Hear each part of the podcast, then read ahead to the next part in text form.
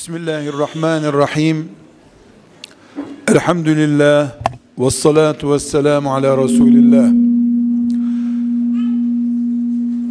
Değerli kardeşlerim, bu huzurlu gecemizde konuştuklarımızın, dinlediklerimizin Rabbimizin razı olacağı amellerimizden olmasını niyaz ediyorum. Teşrif ettiğiniz için bu sıcak ortamda dinlediğiniz için sizlere de teşekkür ediyorum.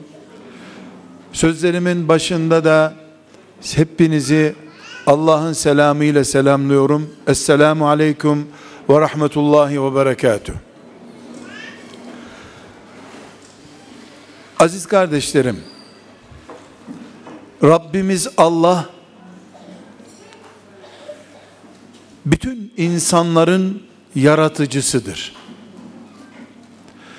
Yeryüzündeki milyarlarca insanı yarattı ve yarattığı her insanın ona kul olmasını bizim deyimimizle mümin Müslüman olmasını istedi. Ta babamız Adem aleyhisselamdan beri kural budur. Biz Müslümanız diyoruz, müminiz diyoruz. Bizden 5000 sene önce yaşayan herhangi bir insan da Müslüman olmak, mümin olmak zorundaydı. İnsanların bir kısmı Müslüman oldular. Pek çok kısmı da Müslüman olmadılar.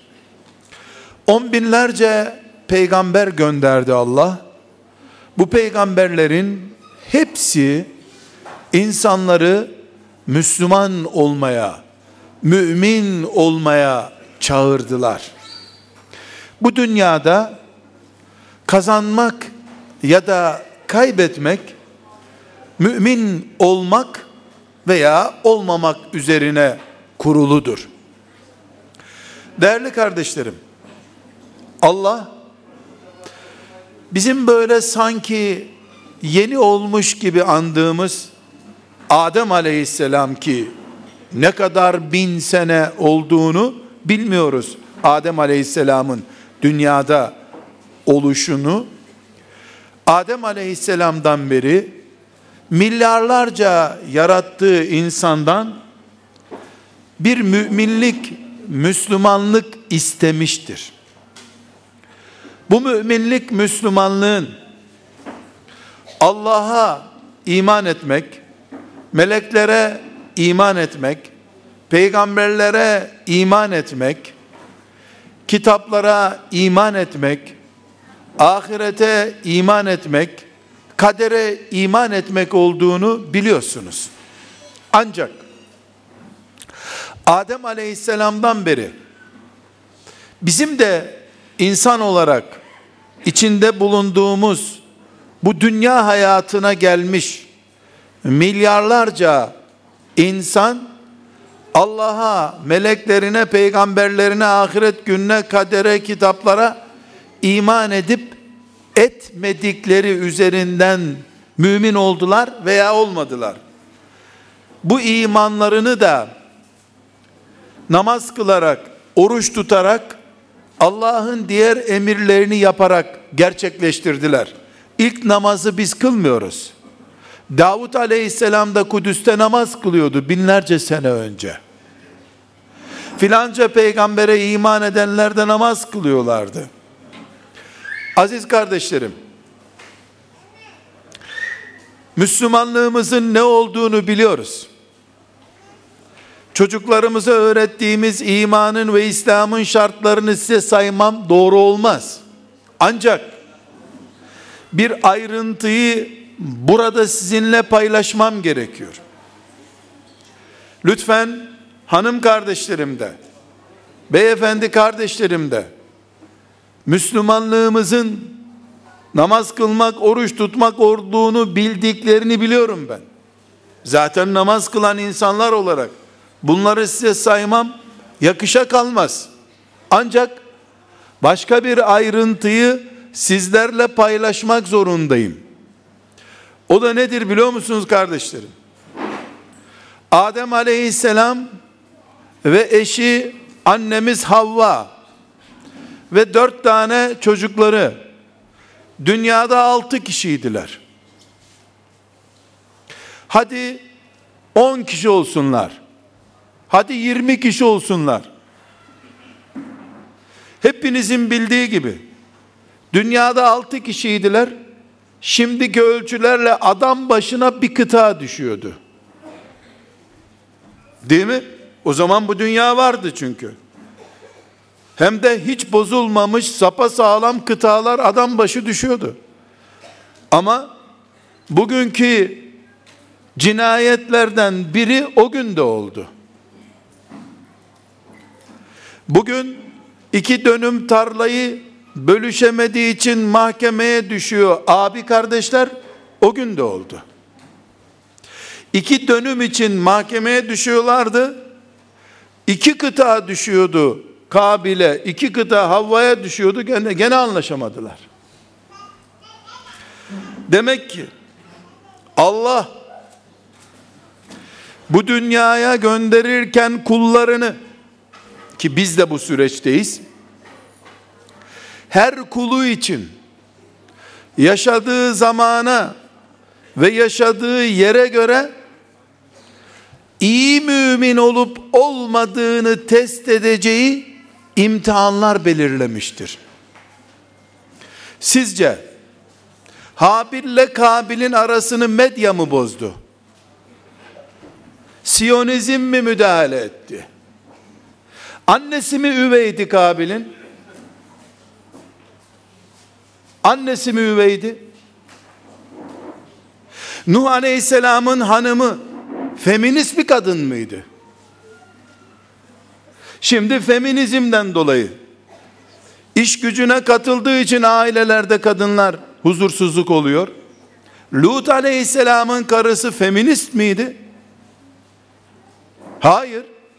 Feminizm bu çağın uydurması. Ama bugünkü eşler arasındaki sorunlar Lut aleyhisselamla İbrahim aleyhisselamın amca çocuğu kuzeni o da bir peygamber onunla koca bir peygamber onunla hanımı arasında da sorun vardı.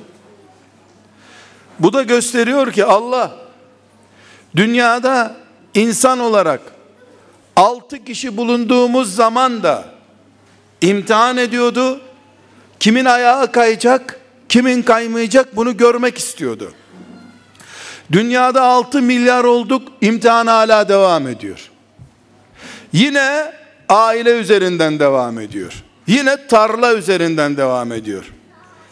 Yine Nemrutlar İbrahim'i ateşe atacağı bir zemin üzerinden devam ediyor. Dünya demek ki dünya zevkle yaşayıp emekli olma yeri değil. Zevklerin ebediyen bitmeyeceği cenneti kazanma yeridir. Biz dünyayı sonsuz zevkler yaşayacağımız bir yer zannettiğimiz zaman çok şey kaybederiz. Kabil'in kaybettiği gibi. Değerli kardeşlerim, şunu söylemek istiyorum. Bu zamanın Müslümanlarıyız. Elhamdülillah. Rabbimize şükürler olsun.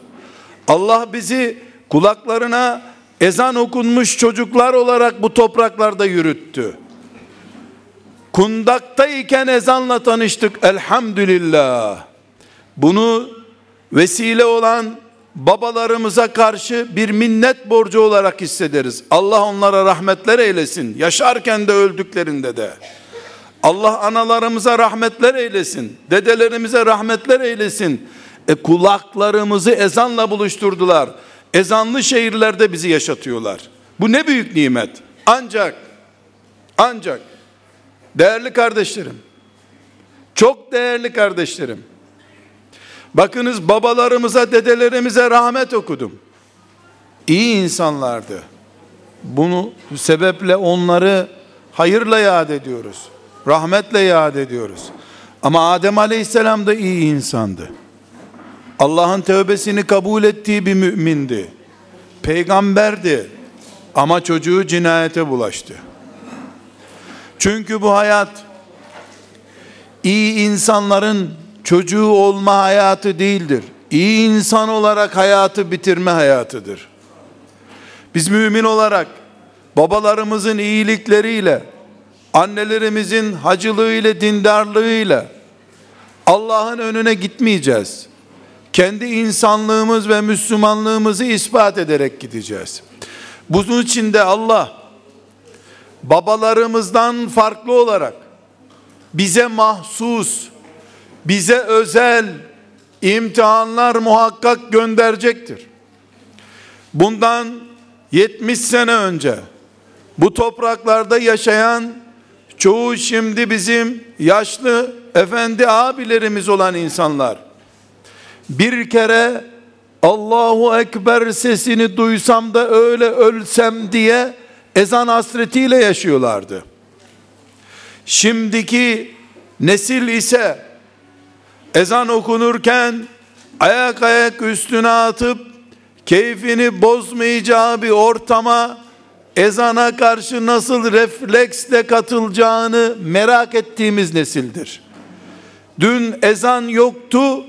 O zamanın insanları onunla imtihan oluyorlardı. Ezansız toplumda Müslümanlık yaşamak zorunda bırakmıştı Allah onları. Şimdi ezan internetten de okunuyor. Televizyondan da okunuyor. Radyodan da okunuyor. Ezanı herkes duyuyor. Allah en büyüktür diye herkes duyuyor. En büyük Allah çağırdığı halde küçücük kulu camiye gitmiyor. Dün ezana hasret o zamanın sabrıydı. Bugün ezana icabet etmek, camiye koşmak, mümin olup olmadığımızı ispat edeceğimiz imtihan sürecidir. Rahmetli babalarımız diyecek olursak, Kabil'in babası da rahmetliydi. Hem de yüzde yüz rahmetliydi. Allah tövbesini kabul etmişti. Hepimiz, buradan şu örneğe çıkıyorum değerli kardeşlerim. Hepimiz tek tek şu dünyaya geldik. Allah'ın yarattığı kullar olduk. Müslüman yaşayacağız. İnşallah Müslümanca bitireceğiz hayatımızı. Tek tek Rabbimizin huzuruna çıkacağız. Blok blok çıkmak yok. Kütahyalılar gelsin demeyecek Allah. Filancanın oğlu filancanın kızı gelsin diyecek. Babalarımızın isimleriyle çağrılacağız. Analarımızın adlarıyla çağrılacağız. Peşinden gittiğimiz liderlerin büyük zannettiklerimizin peşinden giderek Allah'ın huzuruna çıkacağız. Peygamberlerimizle çağrılacağız. Sevdiklerimiz, taklit ettiklerimizle çağrılacağız ama tek tek çağrılacağız. Biz şu yılın, şu ayın, şu mevsimin cevabını vermek için dirileceğiz. Ne babalarımızın cevabını vereceğiz, ne bir sonraki asrın cevabını vereceğiz. Onun için biz Müslümanlar olarak değerli kardeşlerim tekraren vurguluyorum.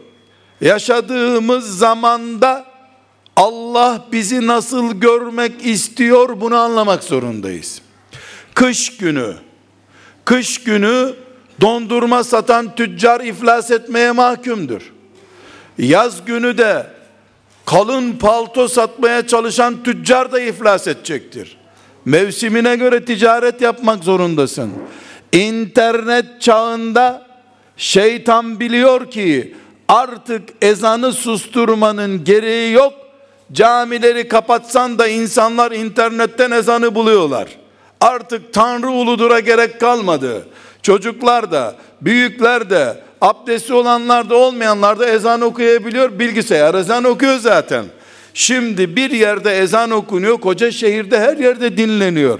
Böyle bir zamanda Tanrı uludurdan vazgeçelim, Allahu Ekber densin deme zamanı değil.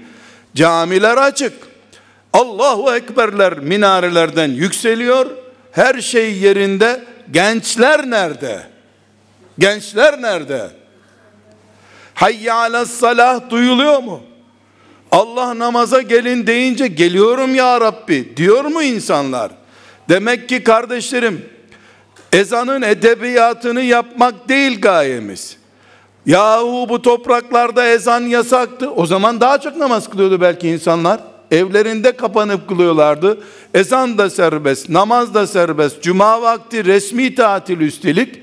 Ama buyurun namaz ciddiyeti nerede? Namazla Allah'a yaklaşmak nerede? Hayya ala haydi namaza gelin çağrısıdır. Bunu Müslümanların çocukları, Müslümanların kadınları, Müslümanların erkekleri duyuyor mu? Önemli olan bu. Demek ki 100 sene önce veya 80 sene önce Allah kullarını ezansızlığa karşı ne yapacaklarını görmekle imtihan etmek istemiş. Şimdi de bu ezan bolluğu lakaytlık getirecek mi onu görmek istiyor Allah. Bu kadar basit kardeşlerim. O zaman bizim çıkıp oturup bir zamanlar buralarda Tanrı uludur denirdi. Ezan yoktu, ezana hasettik diyerek bir şey yapamayız. Böyle bir ibadet olmaz. Şimdi biz geçmişin acılarını değil, şimdiki şeytanın provokasyonlarını nasıl gidereceğimizi düşünmek, tefekkür etmek, çareler üretmek zorundayız. Kardeşlerim, 20 sene önce insanların çocuk eğitimi için gereken şeyler başkaydı. Şimdi başka. 60 sene önce başkaydı, şimdi başka, yarın başka. Bu sebeple bundan 60 sene önce, 70 sene önce Müslümanlar zalim tağut bir düzenden kurtulduklarında artık Kur'an serbesttir diye devlet izin verdiğini anlayınca Müslümanlar bir nesil 20 seneden fazla bir zaman bir nesil ezan ve Kur'an'la buluşmamıştı. Dolayısıyla Müslümanlar eyvah Kur'an okuyan insan kalmadı diyerek camilerin altlarını, minarelerin kenarlarını her yeri medrese yaptılar. Çocuklarını camilere gönderip aman bu çocuğa elif cüzü öğret dediler. Gerçekten de o gün bir çocuğun elif cüzüyle buluşması adeta Kudüs'ün hürriyetine kavuşup Müslümanların mescidi olarak yeniden şanlı bir mümin mescidi olması kadar önemliydi. Neden? Çünkü 25 sene savaş yılları da katılırsa 50 seneye yakın zaman insan 50 seneye yakın bir zamanda insanlar bu topraklarda Kur'an'la hatta Kur'an'ın elif cüzüyle buluşamadılar. Kur'an cahili bir nesil çıktı ortaya. Bunu gidermek için bütün Müslümanların elif cüzüne, abdeste, taharete, cünüplükten kurtulmaya yönelik İslam bilgilerine ulaşmaları en büyük cihattı. Farzı ayındı. Bunu yapmasalar Allah'ın o zamandaki imtihanını asla kazanamazlardı. Her sokağın başını bir medrese yapmaya çalışan binlerce yüz binlerce çocuğu Kur'an'la, Kur'an ilmuhaliyle, şeriat terbiyesiyle buluşturan o zamanki müminlerden, o zamanki hoca efendilerden Allah razı olsun. Ne büyük hizmet yaptılar. Ne kadar büyük bir hizmet. O günün çilesi buydu. Çünkü insanlar Kur'ansız geliyorlardı. Elif cüzü tanımıyorlardı. Kur'an'ın alfabesiyle alay ediliyordu. Ama bugün kardeşlerim, bugün hepimizin dikkat edeceği örnekler vermek istiyorum. Ay açık göz olmamız gerekiyor. Şeytanın on binlerce yıllık tecrübesi var. Bu tecrübeye karşı biz bu hayata yeni geldik. 50-60 senemiz var. Tecrübemiz az. Çok taktik kullanarak profesyonelce şeytanla mücadele etmemiz lazım. Kardeşlerim 60 sene önce elif cüzü öğretmek, abdestin farzlarını öğretmek bir mücadeleydi, cihattı ya. Bedir savaşı kadar kutlu bir şeydi o. Allah razı olsun onu yapanlardan. Lakin çocukların internetten abdest almayı iki yaşında izleyebilecekleri bir zamandayız şimdi. Artık çocuklarımızın gusletmeyi değil, 5 yaşında gusül gerektiren şeyleri annelerinden babalarından önce öğrendikleri bir zamanda yaşıyoruz. Bugün çocuklarımızı yaz tatilinde camilere Kur'an öğrensinler diye değil, internet bataklığına düşmeye karşı iman ciddiyetiyle yetişsinler diye camilere göndermek zorundayız. 60 sene önce elif cüzü yasaktı. Şimdi adeta küfrün, şerrin ve kötülüğün, dalaletin bolluğundan dolayı adeta ahlak zindanlara atıldı. Ahlak yasak hale getirildi. Bir toplum ahlakını önemsiz şey haline getirdikten sonra bu toplumun acaba Kur'an hafızı mı yapalım? Önce elif cüzümü okuyalım demesinden önce bataklık nerede? İnternette. Bataklık nerede? 5 yaşında çocukların annelerinin babalarının onlarla konuşmaya utanacakları sahneleri istedikleri kadar seyredebilecekleri, istedikleri gibi kullanabilecekleri bir dünyada yaşıyoruz. Bu zamanın imtihanı çocuklarımızı camiye gönderip camide çocuklarımıza Kur'an hatmettirme zamanı değildir. Bu zaman çocuklarımız hoca efendilerle buluşturup camilerle buluşturup imanlarını ve ahlaklarını perçinleme zamanıdır. Bunu yapabilirsek bu imtihanı kazanabiliriz. Sözlerime başlarken dedim ki Rabbim ta Adem Aleyhisselam'dan beri o günden beri kullarını imtihan ediyor. Hep iman şartları aynı. Allah, melekler, kitaplar hep aynı. Bunlar değişmedi. Namaz değişmedi. Oruç değişmedi. Ama internet geldi. Ama telefon geldi. Ama medya geldi. Ama insanoğlu şu şu şu imkanlara kavuştu. Biz internetin olmadığı, medyanın olmadığı, telefonun olmadığı zamanlara ait taktiklerle İslam öğretemeyiz. Evet, hala cuma namazını, sabah namazını Peygamber sallallahu aleyhi ve sellemin mescidinde kıldığı gibi kılıyoruz. Ama imam efendilerin önünde dijital mikrofonlar var. Belli teknolojiyi nimet olarak kullanıyoruz. Çocuklarımızı eğitmeye gelince çağın getirdiği teknolojiyi de çağın getirdiği sorunları da dikkate almak zorundayız.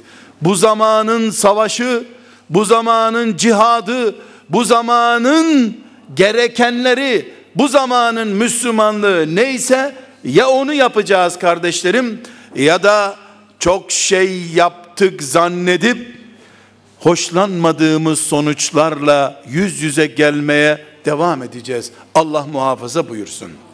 Bunun için kardeşlerim, bunun için biz Kudüs'ü kurtarmadan önce çocuklarımızın kalplerini ve beyinlerini kurtarmak zorundayız. Çünkü Kudüs'ü, Mescid-i Aksa'yı işgal eden Yahudinin medyası, interneti, bataklığı çocuklarımızın beynini de işgal etmiştir. 10 yaşında kız çocukları, 10 yaşında kız çocukları, annesi babası onun kulağına ezan okumuş Müslümanlar oldukları halde, belki de annesi babası Allah'a onu adayacak kadar ciddi Müslüman olduğu halde, 10 yaşında kız çocukları, filan okulu okumam lazım, o okul iyi meslek veriyor, kocam beni boşadığı zaman, iş sahibi olurum, aç kalmam. 10 yaşında kız çocuğu bunu düşünüyorsa, 10 yaşında çocuk henüz belki de sünnet olmadığı halde bu kadınlara yüz vermeden yaşamak lazım. Bunlar Allah'ın belaları demeye başladıysa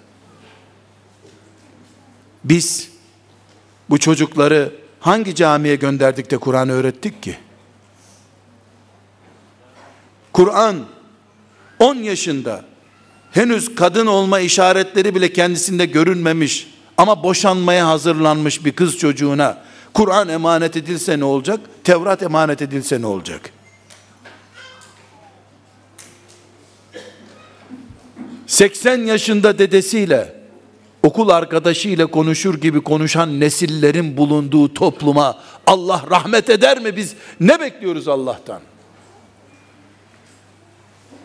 Kardeşlerim... ...21. asırdayız.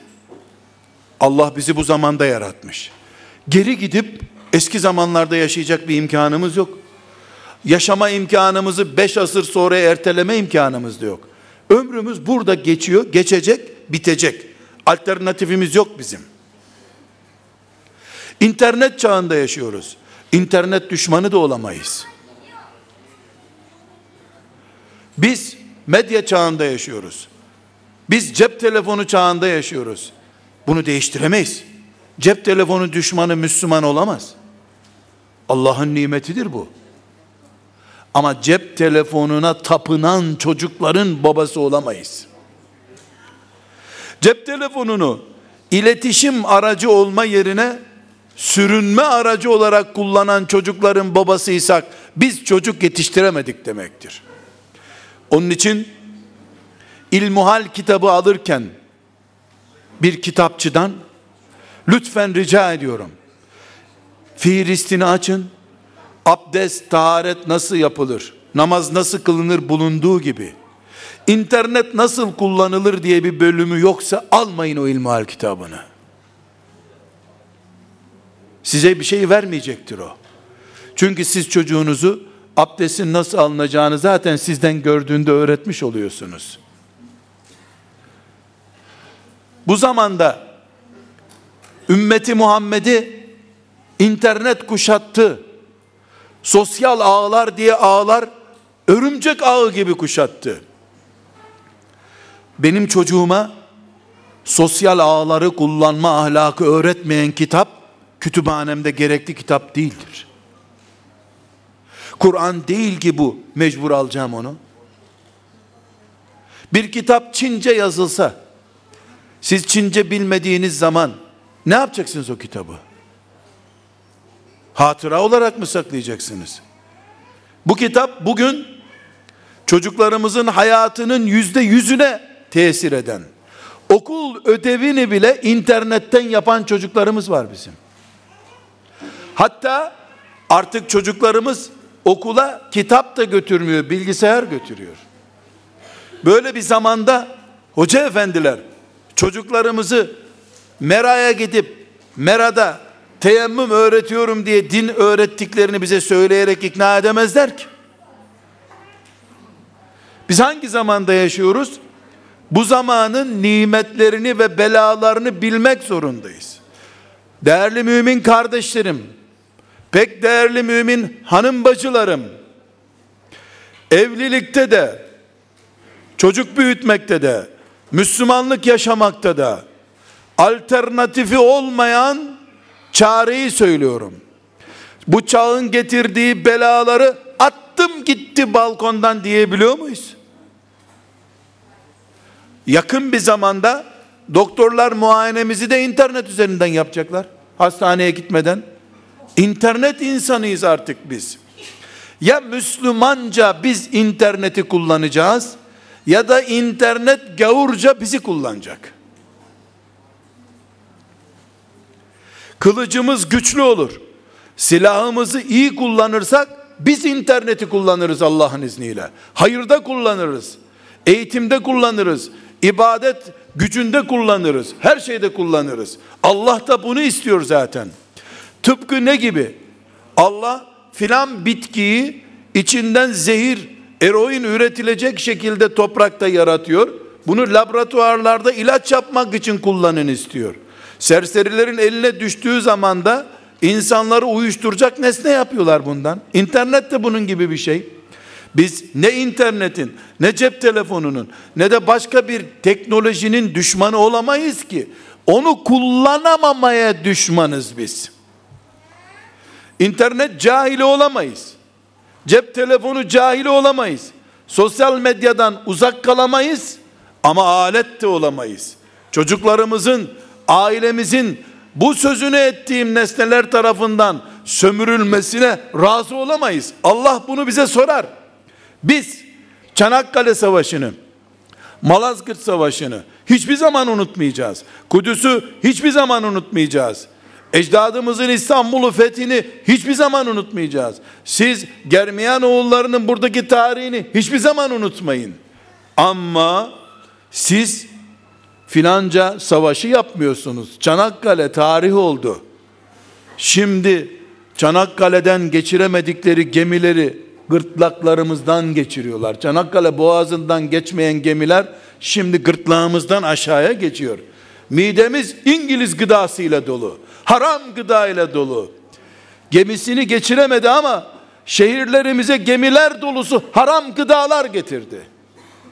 Hala biz Çanakkale'de marş söyleyerek avunabilir miyiz?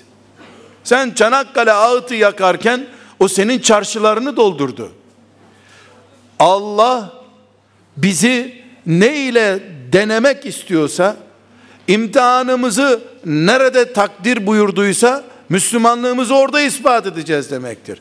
Hanım kardeşlerim cuma namazı kaçırmayarak erkek kardeşlerim de çocuklarının temizliğini yaparak kulluk yapmış olurlar mı?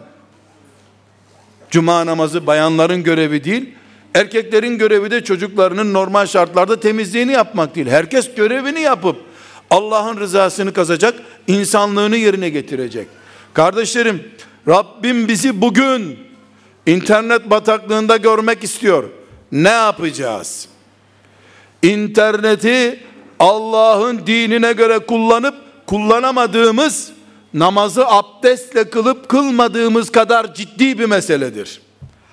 Nasıl abdestsiz namaz olmuyorsa şimdi de internetsiz hayat olmuyor. Abdesti gelişi güzel alıp camiye gidemediğin gibi tam sünnete uygun almak zorunda olduğun gibi interneti de Müslümanca kullanmak zorundasın. Çocuklarımıza taharet ve abdest öğretir gibi namazı kıbleye karşı dönüp kılmayı öğretir gibi biz Müslüman aileyiz. İnterneti bu şekilde kullanırız.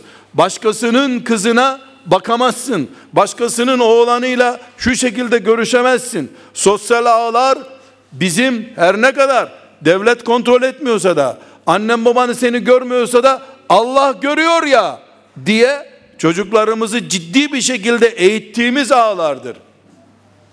Kardeşlerim bu zamanda hepimizin çok dikkat etmesi gereken genç bekar kardeşlerime özellikle söylüyorum. Evli kardeşlerim de zaten ben söylemeden cümlemi bitirmeden ne diyeceğimi anlayacaklardır. Şeytan ta cennette bir savaş başlatmıştı. Neydi o savaş? Babamız Adem'le annemiz Havva'nın bir arada olmamalarını, şimdiki deyimle aile kavgası yapmalarını istiyordu. Orada biraz becerdi bunu biliyorsunuz. Aile dağılmadı. Aile topluca sürgüne geldi dünyaya. Ama Adem'in yüreğinde bir yara kaldı. Havva'nın da yüreğinde bir yara kaldı. İblis ta kaç bin sene önce ise Allah bilir cennetteyken annemiz babamız bu aile kavgasının tohumlarını atmıştı. Peygamber aleyhisselam efendimiz bizi ikaz edip buyurdu ki iblis hızını alamadı en büyük emeli aileyi parçalamaktır dikkat edin buyurdu. Resulullah sallallahu aleyhi ve sellem Efendimiz. Kardeşlerim, evli kardeşlerim, ailesi olan, yuvası olan kardeşlerim. Sizler çok iyi biliyorsunuz. Genç kardeşlerim de not alsınlar. İnşallah denemeye gerek kalmadan bu hayatı düzgün yaşayacakları bir zamana bir amele vesile olur sözlerim. İblis lanetullahi aleyh bu cennette başlattığı aileyi dağıtma ailesiz, soysuz, şerefsiz bir insan topluluğu kurma mücadelesinde oyunun sonuna doğru gelmiştir. Ya birbirlerine nefret eden, lanet eden karı kocaların bulunduğu bir toplum olduk ya da zaten çoktan birbirlerinden ayrılmış karı kocaların oluşturduğu bir toplum haline geldik. İblis bıkmadı, usanmadı. Kaç bin senedir Muhammed ümmeti nikahlandığı zaman huzur bulmayan bir ümmet olsun istiyor. Halbuki Allah nikahlanın yuvalarınız olsun, huzurunuz olsun, öyle cennete gelin istiyor. Kur'an böyle diyor. O zaman kardeşlerim, internetten de daha büyük bir facia. İnternet hiç olmasın abone olursan seni buluyor. Bu abone olmadan da seni bulan bir belamız var bu asırda. Nedir o? şeytan aile huzurumuzu dağıtmak istiyor. Ailesi olmayan bir ümmet haline getirmek istiyor bizi. Genç kızların 30 yaşına geldiği halde şu veya bu uyduruk sebeplerle bekar kalmakta sakınca görmedikleri delikanlıların evlenmeden de evli gibi hayat yaşayabileceklerini zannettikleri fasit, batıl ve sapık hayat anlayışının Müslüman toplumda yer bulmuş olması internet faciasından hatta ve hatta Kudüs'ün Siyonist Yahudi tarafından işgal edilmesinden daha vahim, sonuçları daha kötü, Allah katında azabı çok daha fazla başımıza çekecek olan bir beladır kardeşlerim. O zaman anlıyoruz ki biz bu asırda Allah bizi aile mücadelesinde mağlup olmadan huzuruna gidip gidemeyeceğimizi görmek için bu imtihana tabi tutmuş oluyor. Geçen asırda babalarımızı ezan okunmayan şehirlerde yaşamak zorunda imtihan ettiği bir hayat yaşatmıştı Allah. Bizi ise aileyi koruyup koruyamayacağımızı göreceği bir imtihan sürecinde tutuyor kardeşlerim. Ben buradaki hanım kardeşlerime, beyefendi mümin kardeşlerime çok net altını her tarafını çizerek diyorum ki bakınız Filistin, Mescid-i Aksa binlerce kilometre ötede değildir. Filistin oturduğunuz evlerin oturma odasının tam ortasındadır. Yatak odaları Filistin'dir. Mescid-i Aksa kadar değerlidir. Çünkü Mescid-i Aksa beton yığınıdır, taş yığınıdır. Mescid-i Aksa'yı Yahudi 40 kere yıksa 41.sini omuzlarımıza taş taşıyarak 2000-3000 kilometre gidip yeniden yaparız Allah'ın izniyle. Altın kaplarız Mescid-i Aksa'yı. Mescid-i Aksa'yı çimantosuna katacak su bulamazsak alimallah bu ümmetin delikanlıları değil ihtiyarları delikanlıları gözyaşı akıtarak harcının suyunu katarlar Allah'ın izniyle. Ama kardeşlerim kolay kolay çatlayan bir yatak odasını bir aileyi bir araya getiremiyoruz bir daha görüyorsunuz bir daha bir araya gelmiyor. Üç aylık evli, üç senelik evli, otuz senelik evli insanlar ayrılıyorlar. Bir gün Mescid-i Aksa hayalim asla sönmedi benim. Ama o bu ayrılanları bir daha bir araya getirmeye de hiç muvaffak olamadım. Böyle bir umut da taşımıyorum zaten. Onun için Mescid-i Aksa diye bir hayal üzerinden şeytanla savaşımızı sürdürmemizi düşünürken aslında Siyonizmi maşa olarak kullanan iblisin evimizdeki asıl kıblegah evleri yıkıp parçaladığını göremiyoruz kardeşlerim. Her yer bir Mescid-i Aksa o zaman. Mescid-i Aksa benim peygamberimin kıblegahı olduğu için oradan miraca çıktığı için kıymetliydi. Bacım senin evin senin yuvan senin nikahın da benim peygamberimin umut bağladığı çoğalın çoğalın kıyamet günü benim ümmetim diye sizi bağrıma basayım dediği Mescid-i Aksa değil mi senin yuvan?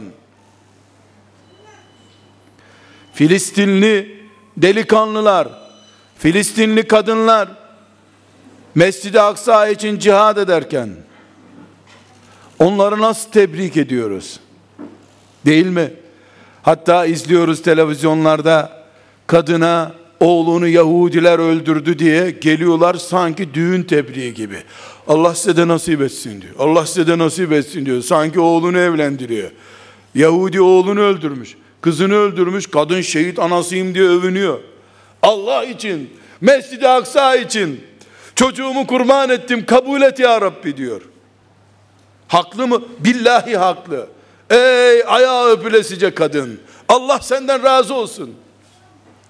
Sen orayı miraçgah yapan, peygamberle buluşasın cennette. Ama bacım, o kadın taştan örülü duvarları olan Mescid-i Aksa'ya çocuğunu kurban ettiği için mutlu.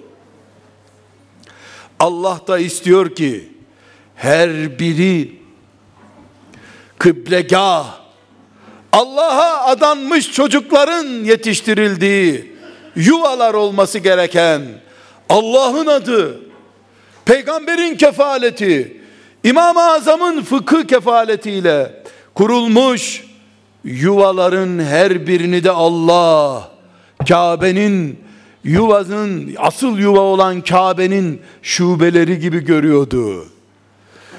Çünkü Kabe de taştan örülü bir duvardır. Kabe'ye gidip tavaf edecek, ona yönelip namaz kılacak. İnsanları, muvahhid müminleri bu yuvalardaki anneler doğurup büyütecekti. Bu yuvalar çatladı. İki çocuk ya doğuruyor ya doğuramıyor. Doğurduğundan da ödü patlıyor. Zaten bu yuva bozulsun diye de 40 gecedir dua ediyor. Avukat arıyor. Müslümanların Mescid-i Aksa'sı Siyonistlerin işgali altında da yuvalar iblisin işgali altında değil mi? Mobilyalar eşlerin birbirlerine bakışından daha değerli değil mi? Çocuklarımızın fiyatı kaç para? Dört duvar beton evler kaç para? Kardeşlerim, bu zamanda Rabbim Müslümanları imtihan etmeyi, bu zamanın sabrını görmeyi murad etti. Bunu internetle murad etti. Cep telefonuyla murad etti. Şimdi de görüyoruz ki Müslümanları yuvalarını ayakta tutup tutamayacaklarıyla imtihan etmek istiyor. Müslüman kadınlar ben Allah'ın adı kullanıldı diye senin eşin oldum.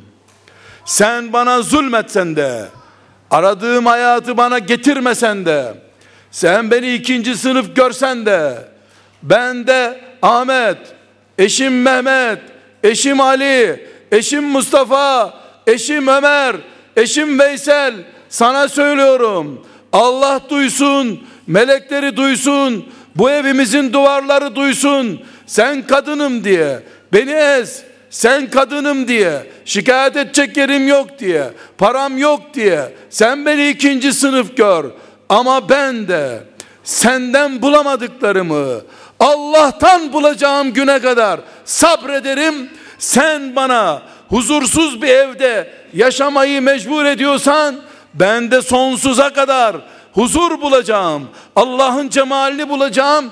Cennette yaşarım Asiye gibi diyen kadın Mescid-i Aksa'da dimdik duran, oğlunu şehit veren, sonra da kendisini taziyeye gelen kardeşlerine Allah size de nasip etsin diyen mücahit kadındır. Mücahitlik bu işte. Bu zamanın imtihanını anlamış. Bu zamanın sabrının ne olduğunu anlamış birisi. Bağdat'ta filan Allah dostu varmış. Şu kadar sene şöyle yapmamış, böyle yapmamış. Selamun aleyküm. Merhaba. Bağdat mı burası? Cüneydi Bağdadi'nin yanında mısın sen? Tekkede mi yaşıyorsun? Sen neredesin ya? Sen Ege'de, Kütahya'da, Simav'da, filan yerde, Naşa'da, Eynal'da yaşayan adam değil misin? Sen buranın kadını değil misin? Bağdat yok. Şam yok. Yemen yok. Sen buralısın. Allah seni burada görmek istiyor. Eski Moğollar atletle dolaşıyorlar mı? Kuzey Afrikalılar kürk giyiyor mu? Herkes yaşadığı yere göre giyiniyor. Sen Bağdat'ta mısın? Cüneydi Bağdadi ile çay mı içiyorsun? Neredesin sen? İnternet çağındasın. Herkesin birbirinin casusu, birbirinin fitnecisi olduğu bir zamanda yaşıyorsun. Sen senin imtihanını kazan. Eski Moğolların kürkü çok güzel. E sen ekvatorda nasıl giyeceksin o kürkü? Çıldırırsın. Sen senin kıyafetini, sen senin mücadeleni tanı. Seni Allah ekvatorda görmek istiyordu, kürk giydirdi sana. Seni Allah Kuzey Afrika'da, ekvatorda, kutuplarda bir yerde görmek istiyordu. Oranın kıyafetini giydirdi sana. İmtihan bu. Kardeşlerim, bacılarım, dava arkadaşlarım, bu asrın imtihanını yaşamak zorunda olan çilekeş kardeşlerim. Biz 1400 seneden beri aynı imtihanı, aynı kulluğu yaşıyoruz doğru. İmanımız aynı, namazımız aynı, Kabe'miz aynı. 1400 senedir bir şey değişmedi. Ama Allah'ın imtihan sistemleri değişti. İblisin taktikleri değişti. Artık mücahit internete mağlup olmayan Müslümandır. Artık derviş derviş hayattan el etek çekip bir dağda 20 sene keçi sütüyle beslenen adam değildir. Derviş her gün geçtiği bankaların önünden faize bulaşmadan Allah'a giden adamdır.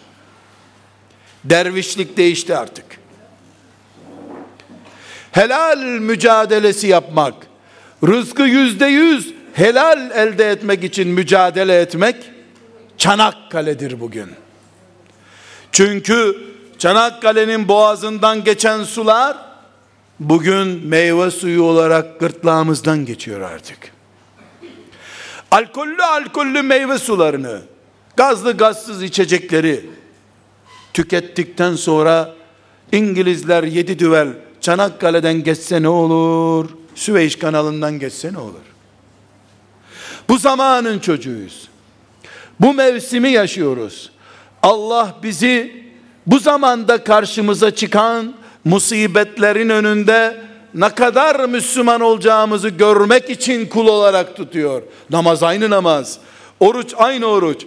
Ama dostlarım, kardeşlerim, bacılarım 30 sene önce insanlar tarlada çalıştıkları için akşama kadar bitkin, argın eve geldikleri için yatsı namazına gidemiyorlardı. Şimdi tarlalar bomboş, traktörler iki saatte aynı işi hallediyor. İnsanlar neden şimdi yatsı namazına gidemiyorlar? Çünkü film var. Maçı var çocukların. Dizi film var. Buyurun, buyurun. Demek ki 30 sene önceki taktikler değişti. Biz hala çok çalışırsan yatsı namazını kaçırabilirsin mi diye çocuklarımıza eğitim vereceğiz. Hayır. Diyeceğiz ki yavrum bak bak dünyanın en heyecanlı filmi bile Allah'ın huzurunda durmak kadar heyecanlı değildir. Film mi izleyeceksin? İzle. Allahu Ekber'i duydun mu? Hayat dursun. Film kesilsin. Rabbinin huzuruna dön. Maç mı edeceksin? Yap yavrum. Ayakkabında benden olsun. Allahu Ekber'le oyun bitsin. Rabbin huzuruna dur. Eğitim bu. Bu zamanı yakalamak zorundayız kardeşlerim. Ve bir örnek daha vereceğim. Aslında bu örnekleri hepimiz çok iyi biliyoruz kardeşlerim. Yabani, uzaktan konular işlemiyorum ben. Yüreklerimizi istila etmiş olan, bu istiladan dolayı kullukta sıkıntı çektiğimiz konuları anlatıyorum. Kardeşlerim, iblis altı kişi iken dünyada insanlar bunları kavga ettirdi. Hem de babaları peygamber olan çocuklardı onlar. Yazın Kur'an kursuna gittiler demiyorum dikkat edin. Yaz günü onlar cennetten yeni gelmişlerdi zaten. Belki de Havva annemizin üstündeki elbiseyi koklasalar cennet kokacaktı. O kadar taze cennetten gelmişti anneleri. Hacı teyze filan değildi. Cennet teyzeydi Havva. Çocukları kavga etti. İblis o kavgayı ta cennette başlatmıştı. Bakın kardeşlerim, İblis o projesinden vazgeçmedi. Becerdik, Kabil'le Habil'i dövüştürdük demedi. Bu iş demek ki oluyormuş dedi. Şimdi iblis projesini zirveye taşımak istiyor. Nedir zirvedeki projesi? Ümmeti Muhammed'i renklere bölmek istiyor. Gruplara bölmek istiyor. Ben sadece anlaşılması açısından örnek veriyorum. Burada konuştum. Sizler beni dinlediniz. Bacılarımdan, hanım ablalarımdan birisi eve gittiğinde komşusuna diyecek ki akşam bir hocayı dinledik. Allah nazardan korusun. Güzel şeyler söyledi. Ne diyeceğini keramet olarak değil, milyon kere denenmiş olarak söylüyorum. O komşusu hanımefendi diyecek ki hangi cemaattenmiş o? Bu gülücükleriniz çok hayat dışı bir şey anlattığımdan mı yoksa taşı yerine oturttuğumdan mı merak ediyorum. Diyecek ki o hanım ablam kime bağlı bilmem. Ama adam ne dediyse Allah için dedi, peygamber için dedi. Tamam da hangi tarikattan diyecek? Hangi tarikat? Kime bağlı? O muhakkak birine bağlıdır. Allah'a bağlı. Anladım da kime bağlı? Allahu Ekber. Allahu Ekber. Allahu Ekber. İnna lillahi ve inna ileyhi raciun. Adam güzel ayetler okudu. Hadisi şerifler okudu. İmam-ı Azam'ı örnek verdi. Kime bağlı? Kimlerden? Demek ki referans olarak Allah'tan büyük yerler var. Haşa değil mi?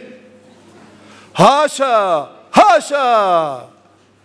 Şu kainattaki hava molekülleri kadar haşa olsun. Allah'tan büyük var zanneden. Bunu söylemez o hanım teyze. Allah'tan büyük tövbe tövbe bir şey olur mu der. Ama hep Kur'an okudu, hadis okudu desem bile kime bağlı soracak. Kimseye bağlı değilmiş. Boş ver ben iyi ki gelmemişim. Bu ne biliyor musunuz? İsa aleyhisselamdan sonra da Hristiyanlara bu oyunu oynamıştı iblis. Şimdi onun için dört ayrı gruplar. İncilleri dört ayrı İncil. Dolayısıyla Allah kaldırdı o İncil'i. Biz Türkiye'liyiz. Biz Suriyeliyiz. Biz Mısırlıyız. Biz Iraklıyız. Biz İranlıyız. Biz Gürcistanlıyız. Biz Almanyalıyız. Biz İngiltereliyiz. Muhammed Aleyhisselam'ın ümmetiyiz. Allah'ın kuluyuz. Başka hiçbir şey değiliz.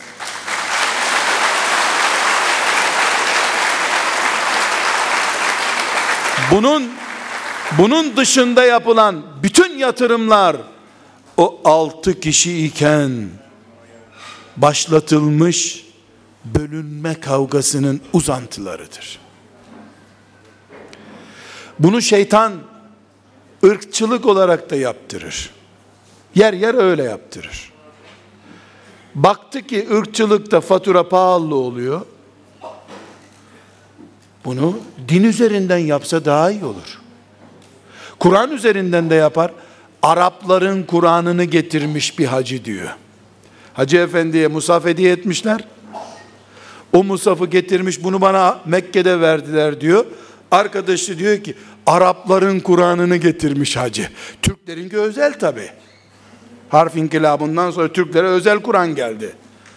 Buna sadece inna lillahi ve inna ileyhi raciun deriz. Çünkü bir Müslümanın cenazesini gördüğümüzde biz istirca yaparız. İnna lillahi ve inna ileyhi raciun deriz ya. Bir müminin içindeki Muhammed'in ümmetindenim. Başka hiçbir şey değilim bu kainatta duygusu ölünce de inna lillahi ve inna ileyhi raciun demekten başka bir çaremiz kalmaz bizim. Biz eğer Kabe'dekiler Hanbeli mezhebindenmiş.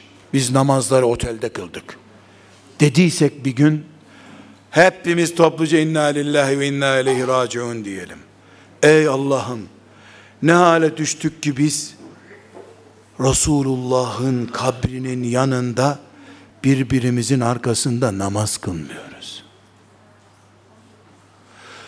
3000 kilometre İstanbul'a geleceğiz, bir olacağız. Peygamberimizin türbesi kainatı eritti, önüne döktü. Bizim tutuculuğumuzu, kabalığımızı kaldıramadı içimizden. Kabe'nin etrafında dönerken de müminler olarak döndüğümüz halde bu nereli, kimlerden bu diye sorabileceksek eğer şeytan altı kişiyken başlattığı kavga var ya 6 milyarken bunu bayağı büyütmüş demek ki diye anlıyoruz. O zaman kardeşlerim bu zamanda da Müslümanlar bir tarikata girsinler elbette. Ruh terbiyesi alsınlar. Hiçbir itirazım yok. Olmalı da. Fıkıh bilmeyen, ayet anlamayan, tefsir anlamayan bir şeyh efendiden gidip bir terbiye almalıdır. Ama şeyhi Resulullah'tan büyük olduğu gün cehenneme kaydolduğunu bilsin o. Ya hiçbir şeyh Resulullah'tan büyük olur mu? Olmaz tabi. Onu sen külahıma oku. Resulullah dedi ki deyince sallallahu aleyhi ve sellem deyip ne buyurdu diye merak ederken ben sana bakmıştım. Yarın şunu yapacaksın şeyhin dediği zaman ki itaatini de görüyorum şimdi. Şeyh efendinin hiçbir sözüne sahihtir, zayıftır demedin bugüne kadar. Bir hikmeti vardır dedin. Peygamber aleyhisselamın hadislerini duyunca o hadis sahih değilmiş diyorsun ama. Tarikatın muhakkak olsun bu fitne asrında çok zor tarikatsız olmak. Mezhepsiz bir Müslüman vadide tek başına yürüyen bir adam gibidir. Bir mezhebin muhakkak olsun. İslam'ın içinde bir mezhebin olsun ama. İslam'dan büyük bir mezhebin olmasın. Senin mezhebin büyüdükçe, senin tarikatın büyüdükçe, senin vakfın büyüdükçe İslam büyüsün. Aksi takdirde kanserli organ gibi büyüyen organ bedenini öldürecek senin haberin olsun. Demek ki bu asrın belası, imtihanı, fitnesi bu açıdan da büyük. Müslümanlığımızın üstünde bir çatı görüp görmediğimizi de bilmek zorundayız kardeşlerim. Sizlere hiç bilmediğiniz hakikatları konuşmadım kardeşlerim. Benim kadar en az bildiğiniz şeyleri Allah rızası için hatırlattım. Siz de Allah rızası için dinlediniz. Allah'tan niyaz ederim ki ben de sizler de bu konuştuğumuz, dinlediğimiz şeylerle Rabbimizin razı olacağı sonuçlara ulaşalım. Geceniz hepiniz için mübarek olsun. Allah'a emanet olun. Allah'ın cennetinde buluşuncaya kadar payidar olun. Selamun Aleyküm.